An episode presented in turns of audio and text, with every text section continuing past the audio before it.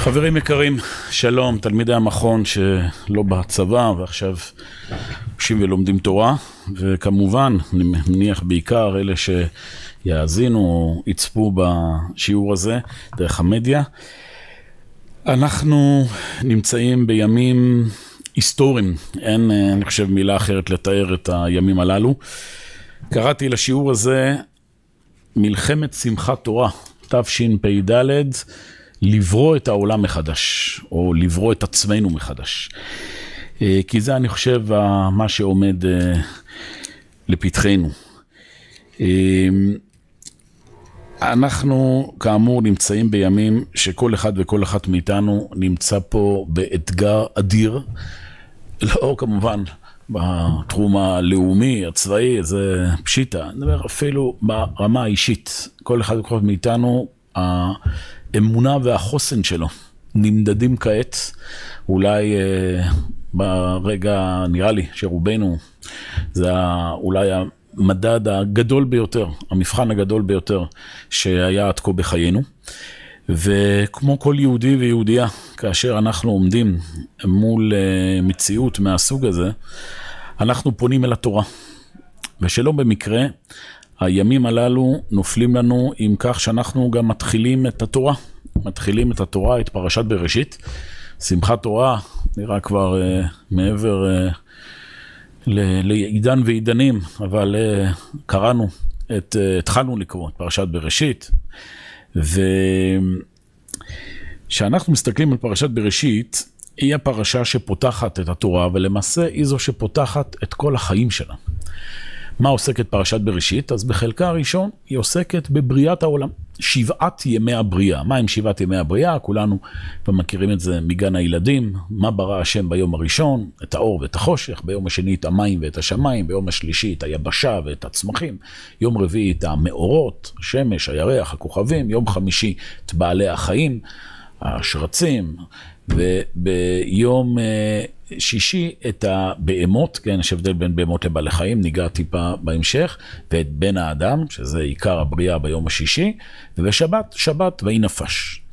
התיאור הזה של שבעת ימי הבריאה, כמו שכולנו כבר יודעים, זה לא רק בא לתאר איזו מציאות אה, פיזיקלית, ביולוגית, היסטורית של היקום, אלא עיקר עניינה של התורה זה בעצם ללמד אותנו את המציאות הפנימית הרוחנית. זאת אומרת, איך העולם הזה נברא, איך יוצרים עולם, לא רק במשמעות הפיזית של הגלקסיה, איך אדם יוצר עולמות בחייו. זה הסיבה שאנחנו קוראים את זה כל שנה מחדש, כדי... כל שנה אנחנו יוצרים עולם חדש, כל יום אנחנו יוצרים עולם חדש, המחדש בטובו בכל יום תבין מעשה בראשית. ובתקופה כמו התקופה שלנו, אני חושב שאפשר עוד יותר לחוש את זה. נברא פה עכשיו עולם חדש. זאת אומרת, מה שהיה הוא לא מה שיהיה, יש פה טלטלה שאולי הגדולה ביותר בתולדות אה, מדינת ישראל. ואיך אנחנו ניקח את העולם החדש הזה, זה מאוד מאוד תלוי איך נלמד את פרשת בראשית. ופרשת בראשית פותחת במילים הבאות. בראשית ברא אלוהים את השמיים ואת הארץ. בראשית זה בהתחלה, בראש, בבסיס. בבסיס של החיים שלנו יש תובנה. אלוהים ברא את השמיים ואת הארץ, יש אלוהים. המילה אלוהים, אה, משהו שחוזרים עליו רבות, המילה אלוהים בעברית, המילה אלוהים זה ריבוי של המילה אל. אל, כן, אל, אלים, אלוהים, אל, אל, זה אל ברבים. אל זה, מתרגמים את זה ככוח, אבל מבחינה מילולית אל זה כיוון. אני הולך אל כיוון מסוים. בבסיס של כל החיים שלנו ישנה תחושה עמוקה שהיא יותר מכל דבר אחר. שיש כיוון לחיים האלה. החיים האלה לא הפקר, יש מישהו שאוחז ביד שלי ומוביל אותי בדיוק אל המקום שאני צריך להגיע. זה הרעיון. יש כל מיני מילים לתחושה הזו, יש כאלה שקוראים לזה משמעות, יש כאלה שקוראים לזה ייעוד, יש כאלה שקוראים לזה זהות, מהות, אבל זה הכיוון, יש אלוהים. והאלוהים הזה בורא את השמיים ואת הארץ. שמיים זה, אומר הרמב"ם, ריבוי של המילה שם, שם, שם, שם, שם, שם. ארץ זה המציאות הנוכחית שאנחנו רצים עליה. במילים אחרות, אלוהים נמצא בשם בארץ, אלוהים נמצא בעתיד האינסופי ובהווה. רק שבעתיד האינסופי, בשם, שם, שם, קל יותר לראות את האלוהים, קל יותר לזהות את המציאות שתופיע בעתיד. אבל בארץ, במציאות הנוכחית של הכאן ועכשיו של ההווה, אומר פסוק ב', והארץ הייתה תוהו ובוהו וחושך על פני תהום. כשאנחנו מסתכלים על המציאות הארצית, לפעמים אנחנו מרגישים, וללא ספק הימים הללו, זה הימים שהתחושה הזו היא הולכת וצפה בנו, שהארץ היא תוהו ובוהו. יש פה חוסר סדר, חוסר שליטה, הכל מתפרק, אין אלוהים. אין. תוהו ובוהו זה מלשון תהייה ובהייה. אדם תוהה ובוהה על הכאוס הזה, שהכל מתפרק וחושך על פני תהום, הכל נראה חשוך. מתוך uh, מה שאני מצליח לזהות משיחות עם, עם מאות ואלפי אנשים בימים הללו, כן, דרך הדיגיטל, ש...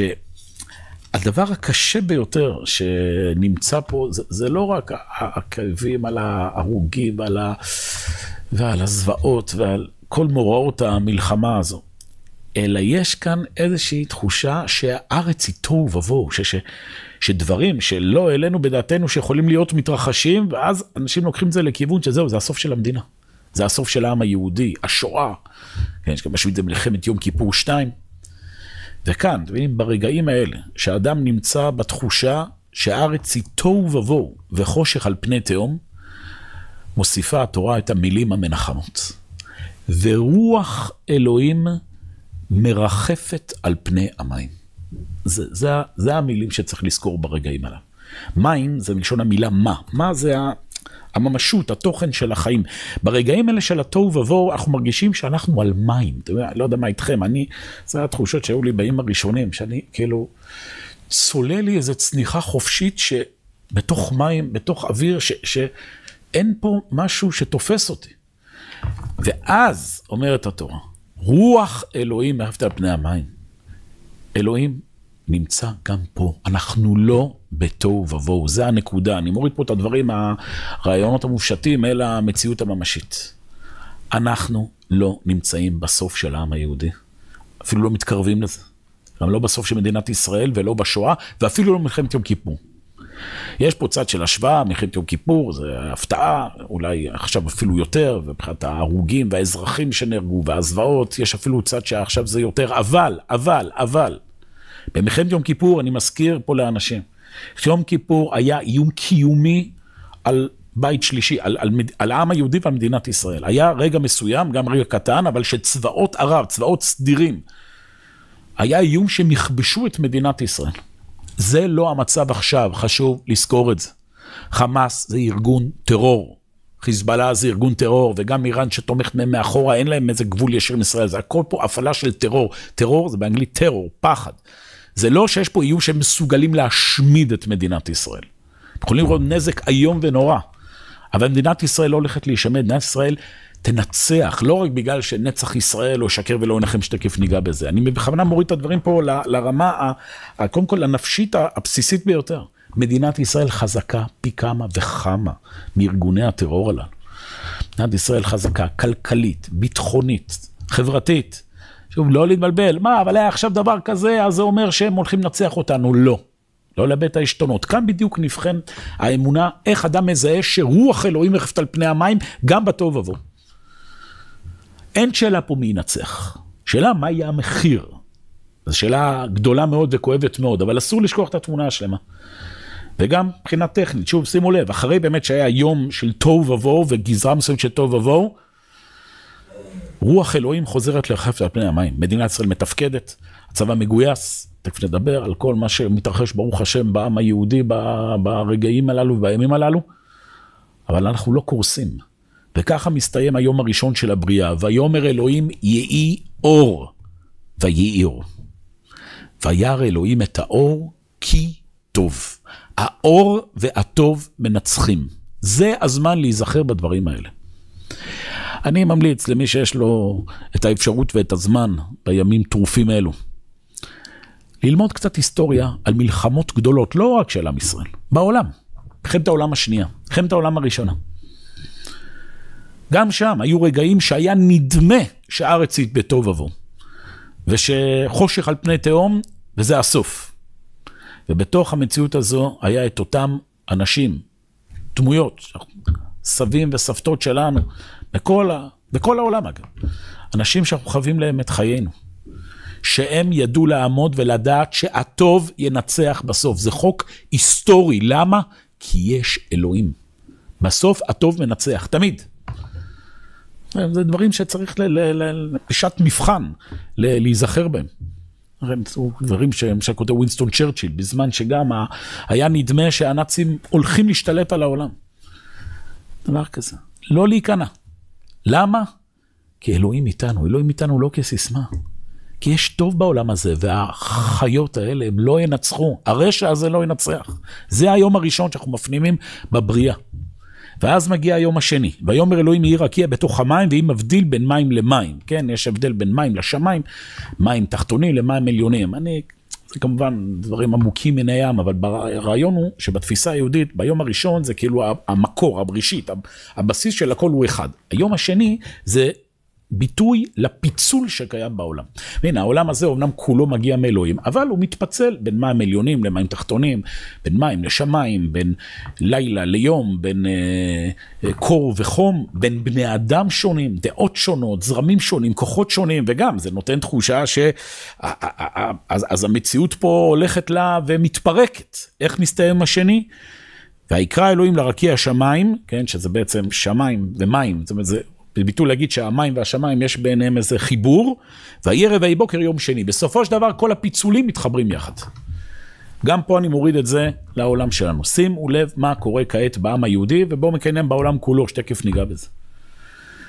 רק יום לפני השמחת תורה, היום והנורא הזה, היה נדמה לאנשים מסוימים שמדינת, שהעם היהודי מתפצל בתוכו. מריבות, אז, אז על uh, תפילה. אבל גם בכלל, אנחנו במשך חודשים שומעים אנשים שאומרים, לא, יהיה פה סירוב uh, גיוס, והמדינה uh, בשעת uh, משבר היא תקרוס.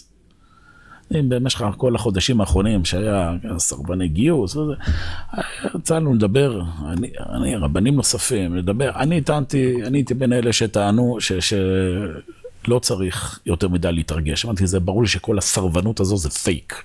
למה? כי אין יהודי שלא יתגייס בזמן שעם ישראל יהיה בצרה. זה מה שקורה עכשיו. יש 130 אחוזי גיוס. כל המדינה, גם אגב, גם בהתנדבויות, הייתי, הייתי בבית חולים אה, סורוקה, מבקר חבר שנפצע. הייתי שם, נכנסתי ללובי של, ה, של הבית חולים, זה היה נראה כמו בופה של, אה, של חתונה. שם עשרות מתנדבים, מאות, אה, אוכל שתייה, כל העם היהודי רק, רק רוצה לעזור בכל בחינה שהיא, כולנו, כולנו מכירים את זה, כולנו חווים את זה. האחדות הזו, החיבור הזה שבסופו של דבר לדעת שויהי רבעי בוקר יום אחד, הדברים, או יום שני, זאת אומרת, הדברים בסוף מתחברים יחד. זה הדברים שצריך להיזכר בימים הללו, וזה מגיע אותנו ליום השלישי. מה קורה ביום השלישי? ויאמר אלוהים יקבעו המים מתחת השמיים במקום אחד ותראה היבשה. בסדר? המים נקבים, כאילו מתאספים למקום אחד, ואז נוצרת לנו איים, יבשות, ועל היבשות האלה תדשי הארץ, דשא, עשב, מזריע, זרע, עץ פרי, עושה פרי למיניהו. המים, כמו שתיארתי קודם, זה הביטוי לחוסר יציבות, לנוזליות הזו, שאנחנו מרגישים שאנחנו צוללים בתוכה. באיזשהו שלב, זה קורה ביום השלישי, אתה מבין, ב, ביום השני יש, אה, לא נאמר כי טוב, כי פיצול זה בעייתי. ביום השלישי שכבר המציאות מתחילה לתפוס את עצמה בידיים, כבר נאמר פעמיים כי טוב. מתחיל להופיע גבולות, ממש כזה, החוט המשולש לא במהרה ינתק. מספר שלוש, כאילו, אחד זה המקור, שתיים זה הפיצול, שלוש זה כבר היכולת לחבר בין הקצוות השונים. גם ביום השני כבר יש חיבור, אבל ביום השלישי זה כבר בא לידי ביטוי שנראה את היבשה. מה זה יבשה? יבשה זה גבולות, מבינים? יש גבולות למים, לשיטפון, למבול. בסופו של דבר יש לו גבול. קץ שם לחושך, גם ביטוי בתורה. קץ שם לחושך. לחושך יש קץ. שוב, אני אומר פה תהליכים נפשיים שאנחנו, כולנו, בשמחת תורה, התחלנו לשמוע את מה שקורה, זה, זה היה הרי שלב ש, שלא לא, לא קלטנו בדיוק מה קורה, ראינו שכבר קוראים להם לגיוס, לשמועות שקורה משהו איום ונורא, ואז באיזה שלב, מי שהיה יכול במוצאי שבת שמע את ה... מוצאי החג שמע את החדשות והבין את הקטסטרופה שעומדת מולנו. ואז באיזשהו שלב, זה, לא יודע, כל אחד זה, לקח לו את הזמן שלו, מתחילה להיראות היבשה. אדם מתחיל ליצור גבולות. זאת אומרת, הבנו, יש פה היום נורא, היום ונורא, היום ונורא, אבל יש, יש איזה גבול שעוצרים את הרוע, בולמים את הרוע. גם מבחינה צבאית זה ככה. אחרי שלב ההפתעה והתקפה, יש את הבלימה ועיצוב הקו, ואז את השלב שמשיבים מלחמה שערה. גם מבחינה נפשית, אדם צריך לדעת שהוא נתקל בתוהו ובוהו, שהוא נתקל במבול, שהוא נתקל ברוע. גם ברמה האישית, להבדיל איפה עבדי הבדלות, ברמה הלאומית, שידע, יש את השלב הזה של הצלילה החופשית, אבל באיזה שלב מגיעים לקרקעית. וכשמגיעים לקרקעית זה לכאורה התחתית, אבל יש בזה סוג של נחמה, כי יש תחתית. יש איזה גבול שמכאן עכשיו מתחילים לעלות חדשים, וזה היום הרביעי. מה קורה ביום הרביעי? ויאמר אלוהים יהיו מאורות ברכי השמיים להבדיל בין היום ובין הלילה, והיו לאותות ולמועדים ולימים ולשנים. מה התפקיד של המאורות, של השם של הכוכבים? להיות אותות. אותות זה סימן. אנחנו צריכים סימנים בתוך העולם הזה שנוצר, ונוצר עולם ויש מים ויש גם יבשה, אבל עכשיו אנחנו צריכים אותות. מועדים, לישון להתוות, אנחנו צריכים דברים שילמדו איך להתנהל בתוך העולם הזה. וכאן יש לנו כמה סוגי אותות. יש את המאור הגדול לממשלת היום. אתם מבינים, ביום יש שמש, יש אור שמתווה את הדרך באופן מאוד בהיר. אבל יש גם לילה. ובלילה יש איזה פחד, שבלילה לא יהיה לנו את האותות. יש גם מאור קטון לממשלת הלילה. ירח וכוכבים. יש תמיד נצנוץ של אור גם באפלה. שפעם ניווט יודע שיהיה צד שניווט לילה יהיה צד מסוים, שהוא קל יותר מניווט יום. יש לך כוכבים. לפעמים דווקא כשהשמש נחבאת, אפשר לזהות עכשיו נצנוצי אורות. יש נצנוצי אורות גדולים שמתנוצצים בתקופה הזאת. הגבורה שמתגלה, זה, זה סיפורים ש, ש, שדורות ילמדו את, ה, את הימים האלה. יחד, ביחד עם האפלה של הזוועות ושל ההרג ושל ההפתעה ושל ה... יש במקביל אורות שמנצנצים. אנשים טובים, עם ישראל, שהולכים ועומדים בגבורה, ובתוך הלילה יש אותות, יש כיוון, כוכב צפון שמוביל אותנו גם שם. כי אנחנו צריכים אותם, את האותות הללו. למה? היום החמישי, מבינים? מה קורה ביום החמישי? ביום החמישי בוראים את השרצים ואת החיות. כל נפש החיה הרומסת על הארץ,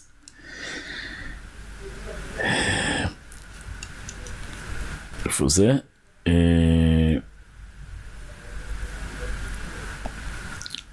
ויברא אלוהים את התנינים הגדולים ואת כל נפש החיה הרומסת אשר ארצו המים למיניהם. כמו שאמרתי לכם בהתחלה, ב, ב, ביום החמישי נבראות החיות, ביום שישי הבהמות. מה ההבדל בין הבהמות לחיות? בהמות, חז"ל דורשים המילה בהמה זה במה, כאילו משהו שאין בו יותר מדי, זה בעלי חיים מבויתים, סתמים כאלה, אה, פרה, כבש. אה. ביום החמישי לא נבראות הבהמות, נבראים בעלי החיים. התנינים הגדולים. תנינים גדולים זה לא יודע מה, דינוזאורים, מה שאנחנו קוראים היום מפלצות. חלק מהעולם הזה שהאדם מתוודה, מתוודע אליו, זה שבעולם הזה יש גם מפלצות, יש גם תנינים גדולים. יש תנינים גדולים. זה ביום החמישי.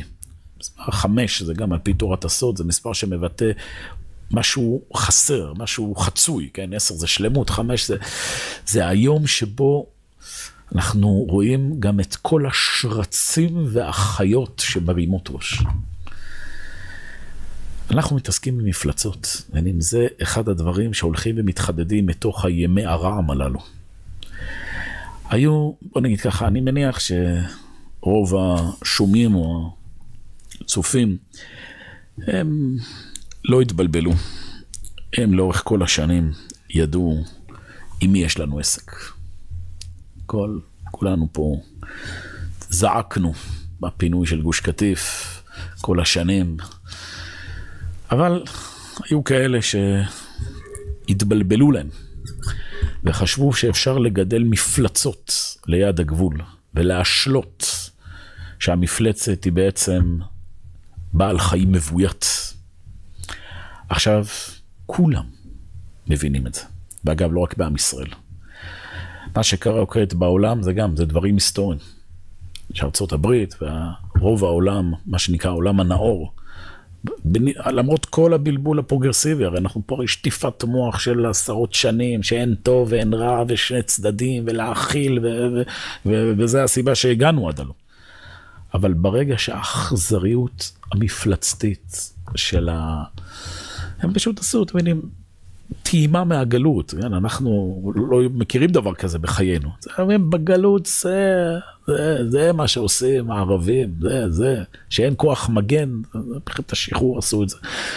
פרעות, גם לא ערבים, היו פרעות תח ותת, והשואה והנאצים, כן, בצד הזה יש השוואה, אתם יודעים, לא שאנחנו בשואה שעם ישראל הולך להיות מושמד, אבל מבחינת האכזריות שמתגלה שעם ישראל לא מגן על עצמו, זה המצב, לכן יש לנו מדינה. בגוח מדינה קרה גם דבר כזה, אבל עדיין יש מדינה. והעולם, זה הפך להיות עכשיו מלחמת בני אור בבני חושך. ובעולם כולו, כל בני האור, יש גם באומות העולם, בני אור, מזהים פה את הנקודה הזו. זה היום החמישי. ואז מגיעים ליום השישי. מה קורה ביום השישי? ביום השישי, ויברא אלוהים את האדם בצלמו, בצלם אלוהים ברא אותו, זכר ונקבה ברא אותם, ואומר להם, מה התפקיד שלכם? ויברך אותם אלוהים ויאמר עליהם, אלוהים, פרו ורבו ומילאו את הארץ, תמשיכו את החיים. כבשוה, אתם תכבשו את הארץ, אתם לא תתחמקו מזה. ותרדו בדגת הים ובעוף השמיים וכל חיה הרומסת על הארץ. אתם מבינים? על הקרקע הזו, אתם תכבשו אותה, אתם תילחמו מול החיה הזו, אתם תנצחו.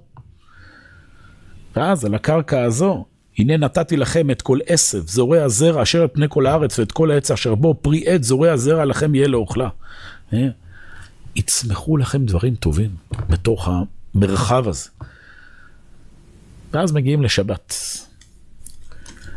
ויחולו השמיים והארץ לכל צבאם. ויכל אלוהים ביום השביעי מלאכתו אשר עשה, וישבות ביום השביעי מקום מלאכתו אשר עשה. המילה לשבות, כן, שבת, לשבות, זה כמובן להפסיק עם מלאכה, אבל זה גם מלשון המילה לשוב. מבינים?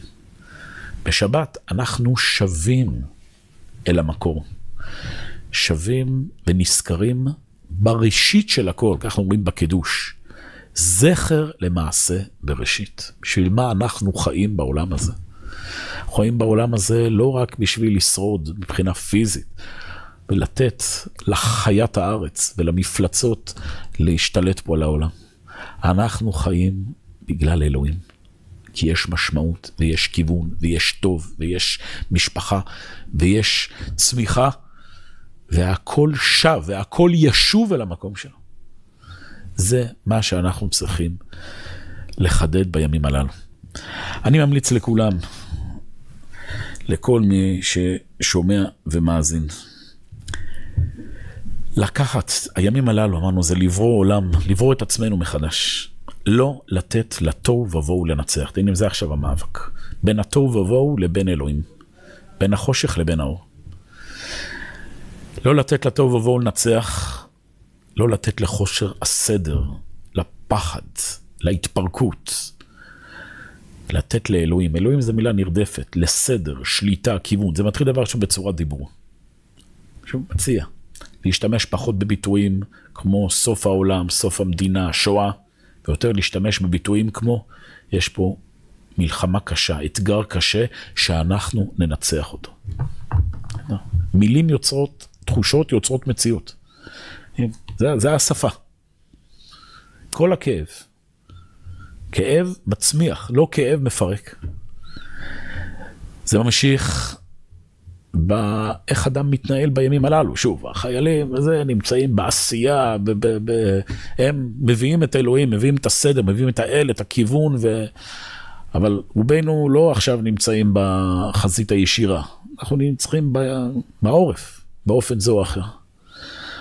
גם פה, האם אדם נכנע לתוהו ובוהו, למשל, יושב כל היום ונכנס לדיכאון, צופה בחדשות בלופ אינסופי כזה של דיכאון וייאוש והכל מתפרק. או שבן אדם, בסדר, שומע את מה שהוא צריך לשמוע במינון הנכון, בערוצים הנכונים גם, ערוצים ש, ש, שמביאים את המציאות, אבל מתווכים את המציאות, אבל בצורה שיש שם אלוהים, ולא רק בצורה של תוהו ובוהו. וממנן את זה, שולט על, ה, על, ה, על הפיתוי הזה, להסתכל כל שנייה בזה ולהיכנס פה לחרדות. ולא לדבר כמובן, טוב זה כולם כבר הבינו, קלטו ברוך השם, שלא להתפתות לשנייה אחת, להסתכל בסרטוני זוועה שהמפלצות האלה אה, אה, מנסות, מנסים להפיץ, שאגב זה, זה הורס להם. זה, חלק גם מהרוע, שהם חשבו שזה ישרת אותם, כל כך לא יכולים לשלוט בעצמם. זה פשוט קומם את כל אנשי האור בעולם נגד הדבר הזה. אבל שבן אדם באופן אישי, אם הוא לא עכשיו נצרך לזה ברמה הצבאית הלאומית, שלא ייגע בדברים האלה, זה, זה, זה הורס את הנפש, זה, זה מעמת את האדם עם רוע. מה, אמרו לי, זכור את אשר עשה לך עמלק, בסדר גמור. הבנו מה היה שם, הבנו. בסדר? הבנו.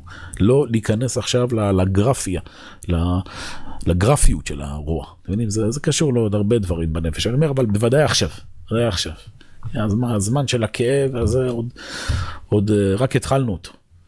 אבל עכשיו שבן אדם לא יצלול שם לתאומות החשיכה, זה, זה אגב, אגב, זה הרעיון של הטרור, זה הסיבה שהם, שהם מפיצים את הסרטונים האלה. עוד פעם, לא מבינים שוב את, ה, את המהלך הכללי, איך זה הורס אותם, אבל ברמה הישירה אומרים, הנה, זה יפחיד וזה, ושאדם צופה בדברים האלה, הוא בעצם משרת את האויב, צריך לזכור את זה. אז מי שלא צריך, שלא ייגע בדברים. ומי שצריך, בוודאי, שיפיץ את זה איפה שצריך בעולם, מקבלי החלטות, שיבינו מה, מול מה אנחנו מתעסקים, ועושים את זה. אבל בעיקר ברמה, עכשיו אני אומר, ברמה התפקודית היומיומית. אדם קם בבוקר, למשל, בתקופה הזו. אדם קם בבוקר, עם מצב רוח. אני אגיד לכם סוד, אין יהודי שלא קם בימים הללו עם מצב רוח. אין אף אחד שקם, שהוא לא אחרי לילה, שיש שם סיוטים. מה האדם עושה אז? שוב, יש פיתוי להיכנע לתוהו ובוהו. להישאר במיטה, זמן וזה, והכל מתפרק והכל מיואש, ועכשיו זה מתפרק בכעס, בלחץ, באלף אחד אפשרויות. ויש אפשרות לקום, להתפלל. לסדר את הדברים בחיים שלנו, החל מלסדר מיטה, מין פעולות טכניות כאלה, יש לזה בשיטות פסיכולוגיות. אדם קם, שוב, מסדר מיטה, עושה איזה סידור קל, וזה כבר מכניס קצת את הפעולה הטכנית, אבל אחרי המעשים נמשכים הלבבות, כמו שאומר ספר החינוך, זה כבר מתחיל להכניס את המציאות לסדר. יוצא שהוא מכריח את עצמו לדבר עם אנשים, ליצור, לעשות דברים, ו- וזה משנה את המצב רוח. אתם תראו, אדם שהוא קם ופועל ויוצר, ודאי, כל, ברוך השם, זה, זה קורה, אני רק פה, מה שנקרא, משתף ומזרז את מה שכבר משותף ומזורז. ללכת להתנדב, ללכת ל- ל- ל- ל- לעזור, לצאת למעגלים. ככל שאדם עושה טוב, הוא מרגיש טוב, והוא בעצם נותן לאלוהים להופיע בתוכו. לא נותן לתוהו ובוהו לנצח, אלא לרוח אלוהים שרפת פני המים. וזה מה שקורה בעם ישראל, וזה מה שיקרה. אנחנו ננצח את המלחמה הזו. אבל, כאן אנחנו מסיימים. אה,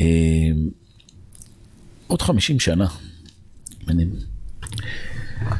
יבואו הנכדים שלנו וישאלו אותנו, איך אנחנו תפקדנו בזמן מלחמת שמחת תורה תשפ"ד. ואני מתפלל שכל אחד וכל אחת מאיתנו יגידו להם, תראו, אני הייתי אז נער, נערה, לא יודע, מבוגר, נשוי, משפחה, ילדים. ובאמת, ששמענו ב... ב... ב...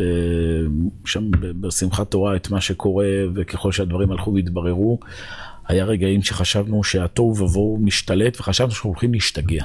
אבל אז נזכרנו שיש אלוהים.